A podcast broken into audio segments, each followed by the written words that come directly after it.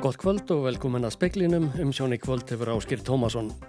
Áformað er að hýsa 60 til 70 umsækjendur um alþjóðlega vernd á eh, Hotel Glimi í Kvalfjörðarsfætt í haust. Fulltrúi flokks fólksins í borgaráði óttast gjaldþrótt Reykjavíkur borgar bregðist meiri hlutin ekki við versnandi fjárhag. Littlar lirfur eh, sem nærast á Birkithjálum hafa fundist á tveimur stöðum á landinu. Gert er aðfyrir að Afrikusambandið fái aðild að G20 samtökum helstu innríkja heims. Ársfundur þeirra verður á Indlandi um helgina. Karl Breitlandskonungur hefur ekki stíð fölspór síðan hann tók við af móður sinni, segir annar stopnenda hins Íslenska Royalistafélags. Árir liðið frá andláti Elisabetar drotningar. Gert er að fyrir að 60-70 umsækjendur um alþjóðlega vernd nær engöngu fjölskyldur og pör verði hýstir á Hotel Gleim í Kvalferðarsveit í haust. Sviðstjóri hjá Vinnumálastofnun segir að það hafi bæði kosti á galla að húsnæðið sé afskekt. Vinnumálastofnun hefur gengið frá samkómulagi um leigu á Hotel Gleim frá og með 1. oktober til að hýsa umsækjendur um alþjóðlega vernd. Stofnunin tók yfir þjónustu við flóttafólk á síðasta ári og síðan hefur fjöldi í þjónustu hennar þrefaldast.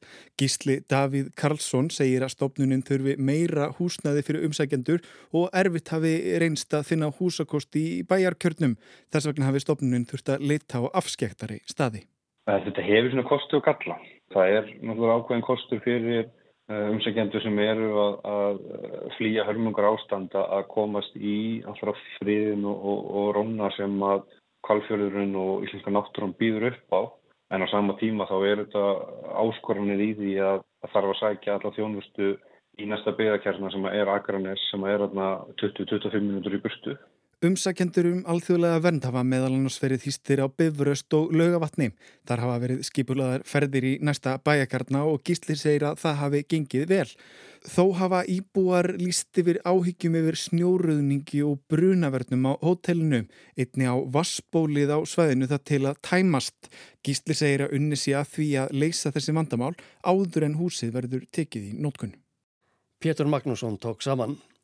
Aðeins þrjú af tíu stærstu sveitarfélagum landsins svöruðu spurningalista sem menta og barnamálaráðunni sendi til að abla upplýsinga um raka og mikluskemdir í grunn og leikskólum. Eftirfylgni og ítrekkanir ráðunni sinnstöguðu ekki til. Þetta kemur fram í skýslu mentamálar á þeirra sem unnin var að beðni Haldoru Móensen og fleiri þingmanna. Spurt var um tjón af völdum raka og miklusveps í leikskólum og grunnskólum og áhrif þeirra á starfsemi og heilsu. Skýslunni var ætlað að áætla umfang og varða leiðina til þess að útrýma þessum vákjasti eins og það var orðað í skýslubeðninni. Ráðunetti segir í skýslunni að erfiðlega hafi gengið að fá svör frá sveitarfélögum þrátt fyrir ítrekanir og eftirfylgni. Niðurstöður skýslunar litist af þessu og upphæðir sem í henni megi finna séu því verulega vannmetnar. Ráðuneytið sendi spurningarleista til allra sveitarfélag á landinu. 33 svöruðu spurningum ráðuneytisins en í þeim hópi voru aðeins þrjú af stærstu sveitarfélagum landsins. Ráðuneytið telur að fara verði varlega í að draga álíktanir um heildarstöðu þessara mála. Ljós sé þó að meiri hluti sveitarfélagana hafi orði fyrir tjóni að völdum raka og miklu svefs og það hlaupi á miljardum króna. Raki og Mikla hafi haft neikvæð áhrif á bæði nefnundur og starfsfólk í mörgum sveitarfélögum. Frergíja Gunnarsson tók saman. Fulltrúi flokks fólksins í borgaráði óttast gjaldþrótt Reykjavíkur borgar bregðist meiri hlutin ekki við verstandi fjárhag. Árs hlutareikningur borgarinnar var 13 miljardum krónalakari en áallanir gerður ráð fyrir. Áslutareikningur borgarinnar var kynntur á fundi borgaráðs í gær og namn hallareksturinn 6,7 miljardum. Laun og launatengt göld fóru 2,1 miljardi fram úr áætlun en við þeirri þróun ætla borgarífivöld að bregðast með því að ráða ekki í laustörf ef því verðu við komið og skipa sérstaka ráðninga nefnd. Þá var ákveð að skoða sölu á perlunni. Kolbrún Baldurstóttir, borgarfulltrúi Flokk Folksins, segir þennan mikla hallarekstur ekki koma á óvart. Áallanir meiri hlutan standist ekki og samlega því hafi skuldir borgarsjóðs hækkað. Ég óta stundum að þetta haldi bara áfram að fara á verri veg og ég hef stundum hugsað orðið gjaldfrótt þó að það tekir kannski mörgum ansi bratt en hlutinir eru bara alvarlegri heldur en margir vilja líta á og þessi, þessi svona hvernig meiri hlutin kemur þessu frá sér í tali, mér finnst vera að slá ríki augum borgarbúa. Hún segir að forgangsröðun skipti höfuð máli og gjaldskrárhækkanir séu ekki rétta leiðin. Meiri hlutin stefnir á að hækka gjaldskrárum 3,6% frá með 1. oktober þegar fjárhásáallin síðasta var lögð fram þá hefði ég vilja sjá svona betri og meiri sparnað í þessum fjárfrökustu verkefnin og náttúrulega alls ekki að klýpa neitt af þjónustu við fólki í borgin og börn. Saði Kolbrún Baldurstóttir, örður örlugstóttir tók saman. Flugvel Æsland er á leið til Akureyrar frá Reykjavíkur flugvelli var snúið við stuttu eftir flugtak vegna bílunar í Ratsjárvara í dag. Bílunin allir því að flugumferðarstjórn sá flugvilina ekki á Ratsjá og samkvæmt verklægi var henni snúið við og lent aftur í Reykjavík að sagnu Guðna Sigurssonar bladafulltrúa Æslander. Ekki leið á löngu þar til velin fór aftur í loftið. Littlar lirfur sem nærast á byrkithélu hafa fundist á tveimur stöðum. Allt lítur út fyrir að náttúrulegur óvinnur þessa skæða sníkjutýrs sé búin að nema hér land. Byrkithéla er nýlegur landnemi á Íslandi. Þetta er smávaksinn bladvespa sem getur valdið talsverðu tjóni á vexti byrkitrjáa með því að geta innan úr löfum þeirra. Brynja Rappkjellsdóttir, skófræðingur, hefur rannsangað byrkithéluna í haust vegna nýrar vespu sem fannst nýverið. Vegna þessa var hún að ferði í skógi nálagt Rauðavatni í Reykjavík þar sem hún rannsakaði meðal annars löfblöð byrkitrjána. Hún var vörfið skemdir á löfum trjána sem virtust ekki ná að ganga jafn langt og áður. Laufblöðin byrjuði að verða brún en svo var eins og skemmtirnar stöðviðust. Þetta vakti aðtekli Brynju sem fann þá lirfu sem var að nærast á byrkithjölu. Við nánari skoðun fann hún einni púpur sem tilhera ekki byrkithjölunni. Staðfest er að lirfan og púpurnar sem fundust séu sníkjutýr. Nákvæm greining á þeim liggur þó ekki fyrir. Þrátt fyrir að þessi uppgötun sé tilefni til bjart sinni fyrir hönd íslenska byrkistopsins er þó ekki hægt að spá nákvæmlega fyrir hver áhrif hennar verða. Ég, sem, ég held að það sé bara mjög góða frettir að þetta sé komið en hérna þótt ég veit ekki alveg á hvað þessi tegund fer þá er líklegt að hún fari bara á hérna, tegundir sem er svona inn í laugum sem eru bara hérna, eins og hjá byrkinu bara þrjá nýjar En hérna, já, ég held að tíminn verður bara, við erum að sjá hvernig það þróast. Þetta sagði Brynja Hrafkjálsdóttir, valgerður Greta Gröndal tók saman. Árið liðið frá því að Elisabeth Brettadrottning lést og Karl Konungur tók við. Annar stopnenda hins Íslenska Rójalistafélags segir Karl hafa staðið sig vel í nýju hlutverki þvert á það sem Gagrin endur hans spáðu fyrirum.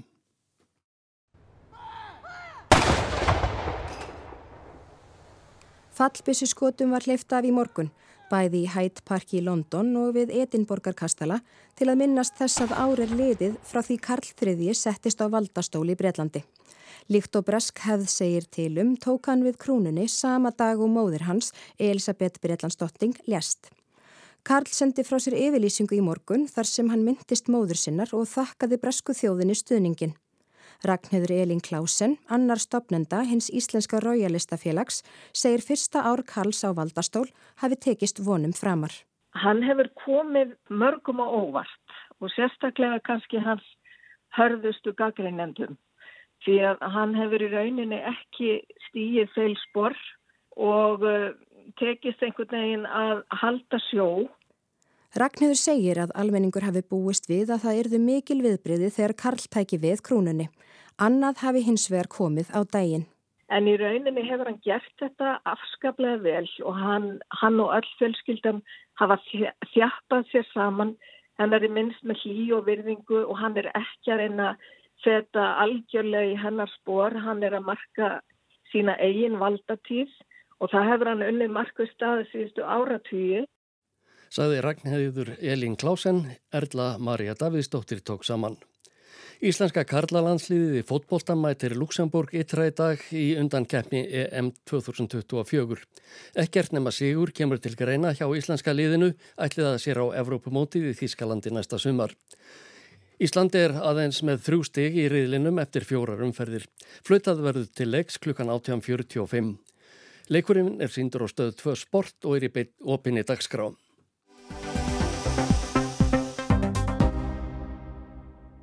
Tveikja daga ársfundur G20 ríkjana svo nefndu hefst í nýju deli höfuðborg Indlands í fyrramálið.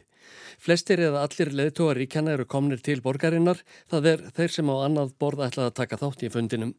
Heima sitja Vladimir Putin, fórseti Rúslands og Xi Jinping, Kína fórseti. Þá á Petro Sánchez, fórsetis ráðara spánar ekki heimangengt. Hann tilkynnti sent í gerðkvöld á samfélagsmiðlunum X sem áður var þektur sem Twitter að hann hefði greiðnst með COVID-19 og yrði því að halda sig heima.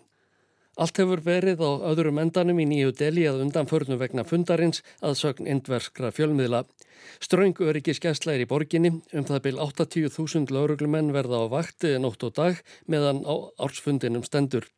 Nokkrum borgarhlutum hefur verið lokað þar á meðal viðskipta og stjórnsíslu hverfunum. Indlandsliðið minnismerki um 84.000 indverska hermenn sem fjallu í fyrri heimstýröldinni hefur verið girt af. Það er alla jafna fjölsóttur ferðamannastadur. Þá hafa nokkur fátakra hverfi verið girt af með græðnum dúk til að eh, þeir sem sækja borgina heim vegna ársfundarins þurfi ekki að horfa upp á emdina sem þar ríkir.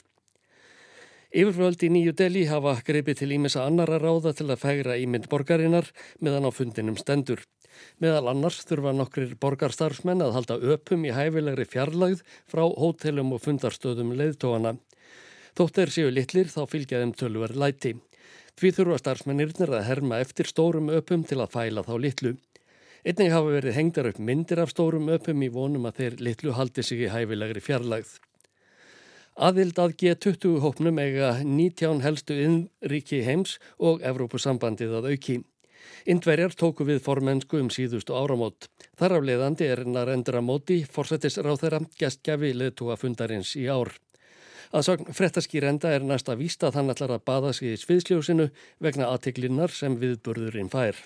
There's been so much of propaganda material spread all across the country to remind people that Mr. Modi is front and center. Miklu áráðursefni hefur verið dreift um gjörvalt landið til að minna fólk á að Narendra Modi verður í aðal hlutverki á fundinum, segir Siddhart Varadaradjan, stopnandi og útgefandi vefmiðilsins The Wire. Hann bætir við að forsættisráþarann ætli áriðanlega að notfæra sér í næstu kostningum alla aðtiklina sem að hlýtur við að fá flesta helstu leitu og heimsins í heimsókn. So I think for him, the fact that you have all these world leaders coming to Delhi is something that he hopes to milk in the elections which are, which are you know, due in the next six to eight months. Búist er við að helstu umræðu efnin á leðtogafundunum verði stríðið í Ukrænu, loftslagsmál, samskipti ríkra þjóða á fátakra og á formum að bjóða Afríkusambandinu aðild að G20 klubnum. Sita hart var að Daradjan hvaðst þess fullvis að það verði samþygt. Which is a move that is supported by a number of G20 countries, but it's under India's watch that this is going to happen. Mörg G20 lönd stiðja aðild Afrikusambandsins en það verður undir formensku Indlands sem það verður samþygt, segir hann.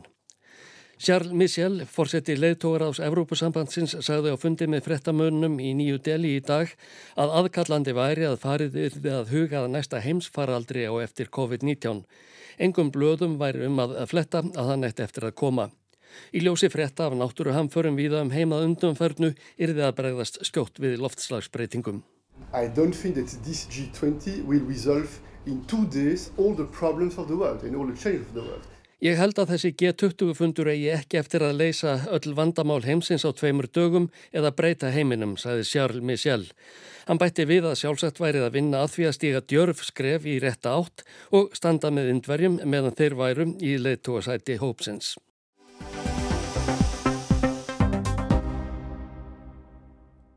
Minst 12 hafa látist í aftakarygningum og flóðin í Greiklandi, Tyrklandi og Búlgaríu. Stór svæði í Östur-Európu eru umflotin vatni eftir steipiregn síðustu daga. Götur í Hongkong eru víða eins og beljandi stórfljót eftir mestu regningar þar í 140 ár. Sumstaðar er vassborðið nokkura metra hátt. Veðurstofa Hong Kong mældi úrkomu upp á 158 mm á einni klukkustund. Leðtogi Hong Kong saði á bladamannafundi í dag að líklega væri þetta mestu rigningar þar í 500 ár. Elin Björg Jónasdóttir, það hafa verið alveg ótrúlegar hamfara fregnir víða í heiminum núna undanfarna daga. Þetta er ekkit sem að kemur ykkur viðfræðingum á óvart, er það? Nei, það gerir það nú ekki. Vi, við sjáum kannski oftar svona, hvað ég að segja, vondveður eða, eða veður sem hafa áhrif á haustin. Þá eru hérna kerfin svona aðeins að breytast og, og inngíslinn sólar farin að hafa áhrif en það sem við höfum auðvitað rætt svo oft áður er þessar auknar öfgar í veðfari. Það er koma þá líka betur fram þegar að sko við hefðum alla jafna kannski fengið veður sem hefðu haft einhver áhrif en svo sjáum við alltaf núna þau eru alltaf að hafa meir og meiri áhrif að verða verri og verri og það er auðvitað það sem við mörg höfum verið að tala um mjög lengi. Það er alltaf verið að slá met núna, alltaf verstaveðrið í 150 ár, mestarugning í svo og svo langan tíma. Emitt og í kjölfærið á hlýjasta ágúst frá upphafum mælinga og hlýjasta júli frá upphafum mælinga og allt það. Það er El Niño ár. Já. Það hefur áhrif. Jú, El Niño hefur áhrif á hitasteg jarðar almennt, breytingar á, á yfirborðsita sjáar í Kyrrahafi og þegar yfirborðsiti hækkar þá hefur hann áhrif á andrúsloftist og þá hækkar bakgrunnshitin og svona sögulega þá hafa sko helstu hitametin yfirleitt fallið í El Niño árum að því þá eru komið með einhverjum svona bakgrunnshlínun sem ekki er kannski alla jafna. Núna eru við auðvitað komin með mjög mikla hlínun í bakgrunin sem er ótengd El Niño sem er tengd loftasbreytingum og svo fáum við El Niño breytingunum ofan á það og þá erum við komin með svona tvöfaldar líkur á því að það sé verra ástand heldur en hefði verið fyrir. Þá maður búast við því að þetta ár núna mánuðnir framundan það kannski verði alveg sérstaklega miklu röfgar. Já, það má alltaf gera ráð fyrir því.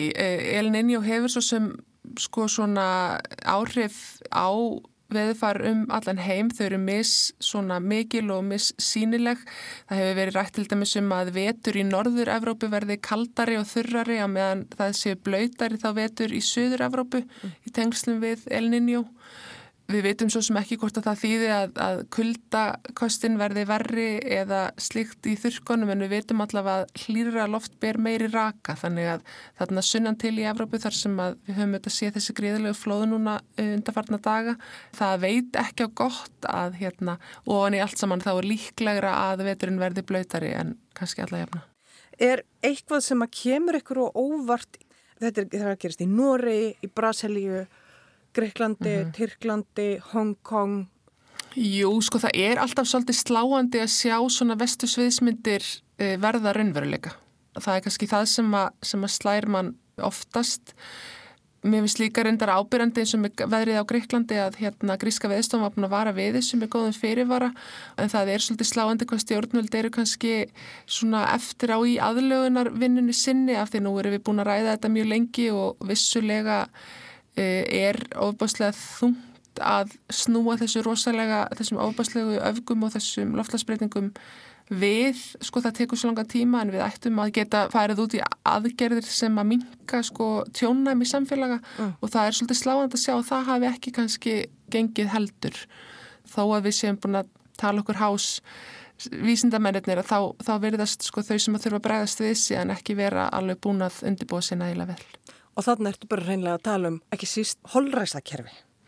Já, bara og ymitt, holræsakerfi, viðvörunakerfin, það að ebla grunnrannsóknirnar, ebla rannsóknir sem eru þá undir ákvarðanatökunni sem kemur í kjölfarið, húsbyggingar, hvað eiga þær að vera á að vera að þróa hérna, heilu samfélögin, sko í fjöruborðin einhver starta sem við vitum er að hækka sjáarborð eða á árbökkum, allt þetta. Þetta er bara rosa mikið og stórt svið sem þarf að fara yfir og, og holræsakerfin ekki síst. Sagði Elin Björk Jónastóttir, Ragnhildur Tólasíus rætti við hana.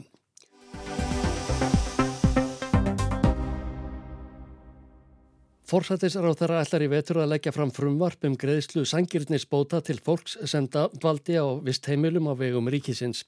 Frumvarpið hafi verið í samráðskátt, ymsar aðtugasemdir hafi borist og verið sé að vinna úr þeim en málið sé á þingmálaskrá hennar. Varðandi vinnu og vinnubröð við skýrslu um aðbúnað fatlaðara sem hún fekk í hendur fyrir ári og kynnt var á alþingi segir hún að það beði sé eftir afstöðu velferðarnemndar alþingis og hvort alþingi skipi rannsóknar nefnd.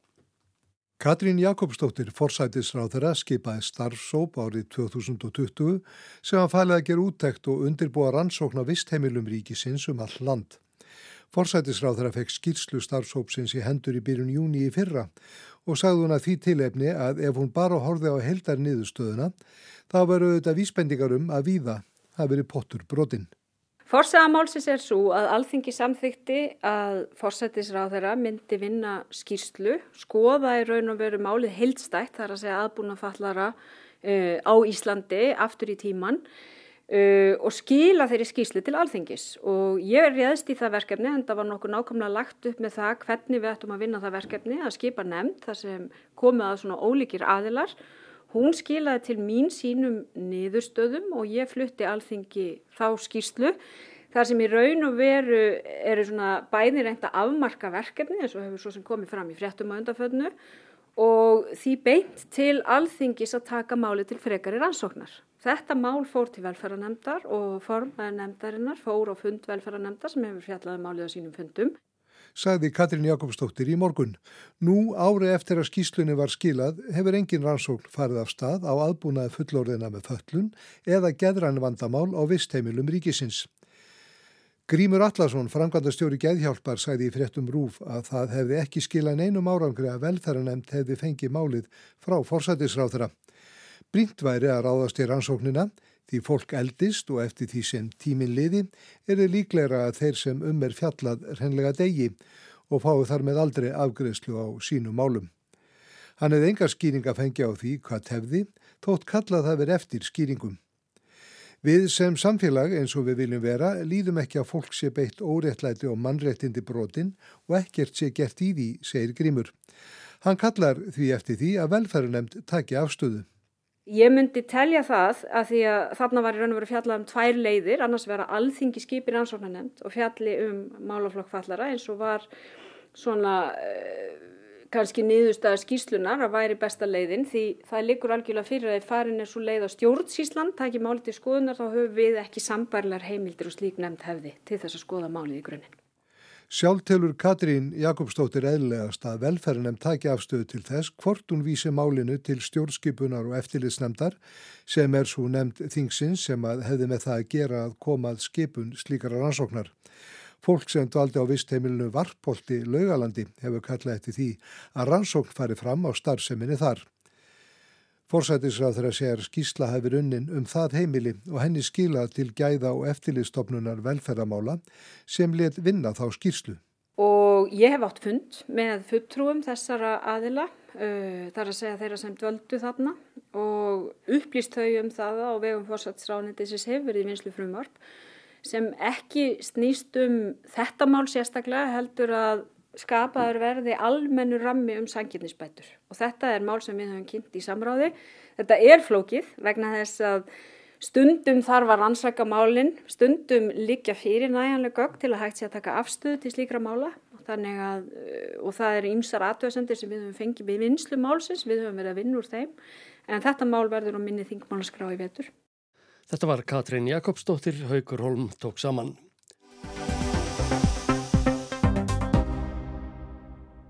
Norðmenn kjósa sér nýjar sveitarstjórnir á mánuðdægin. Þar er tekist á um samgöngur í borgum og með nýjum borgarlínum og andstöðu við ferðir engabíla. Á landsbyðinni vil fólk opna aftur lokaðar ofinverðar stopnarnir. Víða er því spáðað flokkar til hægri nái völdum en vinstri menn hafa ráðið stærstu bæjunum á kjörtímabilinu. Gísle Kristjánsson. Í raun og veru skiptast áherslur í kostningabaróttun í tvenn. Borgarbúar eru uppteknar af samgöngum, þéttingu byggðar og nýtingu borgarlands. Sveitafólkið vil fá ofinbera stopnannir opnaður og ný, stopnannir sem hafa verið lagðar nýður í spartnaðu og hagræðingu síðustu ára. Ólíkt hafast með nað í sveit og borg. Í stæstu sveitafélugum, borgum eins og Óslo, Björgvin, Stavangur og Trándheimi er þétting byggðar mál málana með tilherrandi tróun á almenningssamgöngum, rýfa á nýleg hús í miðborgunum og byggja hærri og stærri og með fleiri borgarlínum. Borgarlínur hafa á kjörtímabilinu sprengt meiri hluta í Björgvin. Í Óslo lofa hægri menn nú tveimur nýjum línum. Allt snýst um afköst í umferðinni að nýta dýrustu lóðir landsins betur, hafa þær ekki fastar undir plásfrekum en arðilittlum umferðamannvirkjum með mislægum gagnamótum og markvöldum ringtorkum. Deilur um umferð og pláss undir engabíla geta ráði úslitum með myndun meirulhuta til hægri eða vinstri eftir kostningar.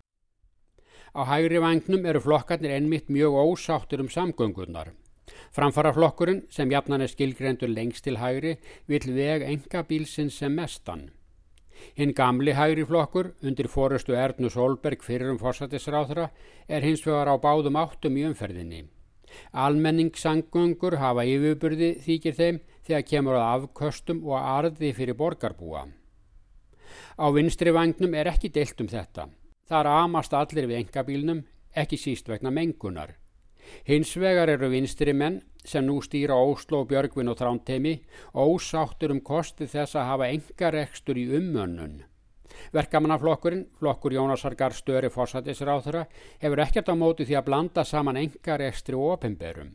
Elli heimili, sjúkrastofnanir og jafnvel skólar hafa bara gott af blönduði kerfi segja kratar. Sósialistar vilja á hinbúin banna öll kaup á opimberi þjónustu af engafyrirtækjum. Þetta er mikilvægt álitamál í rekstri sveitarfélaga og þar af leiðandi kostningamál. Út á landsbygðinni stendur baráttan oft um að endurreisa stopnannir sem hafa verið lagða nýður í kröfum síðustu ára um sameiningu og hagræðingu. Allir reppar og allir köpstaðir vilja halda sínu. Á að leggja niður þrjú sjúkrahús og byggja eitt í staðinn. Laureglustöðvar hafa verið lagða nýður. Nú er það kostningarlofur miðflokksins, flokksbænda, að endurreisa 20 laureglustöðvar Þó er vitað að í sumum þessara lauruglustöðva var ekkert að gera og eini lauruglumadurinn sem þar starfaði fekk eftir vill bara tvö símtöl á mánuði. Samar um skólana, litlir sveitaskólar hafa horfið unnvörpum. Sveitarfjölug hafa verið saminuð, ekki fær en 70 fyrrum ráðhús standan og auð. Þeir sem lofa endurreist til fyrir daga í sveitunum eru sígurstránglegir.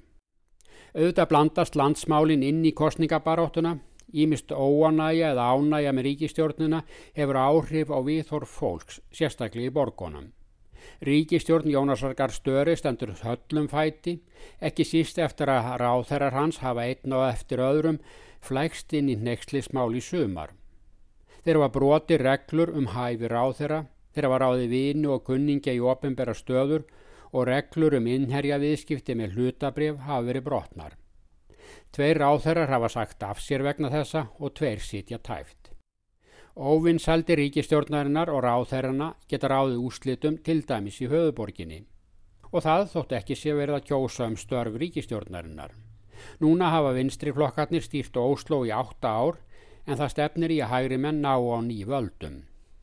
Úrslit í öðrum borgum geta ráðist að fylgi við litla og nýstopnaða flokka Svo hefur áður verið um flokka andstæða vegatollum og nú er nýr flokkur áberandi í Björgvin og Stafangri. Það er yðnaðar og atvinnulífsflokkurinn sem vil hætta öllu talu um mengun, umhverfisáhrif og hlínun jarðar af mannavöldum. Snúa sér þessi stað að yðnaði og atvinnurekstri eins og var í gamla daga. Og þá var það veðurhorfur næsta sólaring, söðuvestan 10 til 18 metrar á sekundu og rigning með köplum en bjart viðri norðaustan og austanlands. Hitti 8 til 17 stík hlýjast á Östurlandi. Norðan 5 til 13 á morgun en vestlægari við söðurströndina. Súld eða rigning á norðanverðurlandinu en dálitlar skúrir sunnanlands. Kolnandi veður hitti síðdegis frá 3 stígum fyrir norðan upp í 15 stíg á söðusturlandi. Fleira er ekki í speklinum í kvöld. Tæknimaður var Mark Eldredd, fretta útsendingu stjórnaði Anna-Lísa Hermannsdóttir. Frettir verða næst sagður í sjónvarpi og á rást 2 klukkan 7, útvarps frettir klukkan 10 og frettir eru uppfæriðar á vefnum allan sólarhingin. Verðið sæl og góða helgi.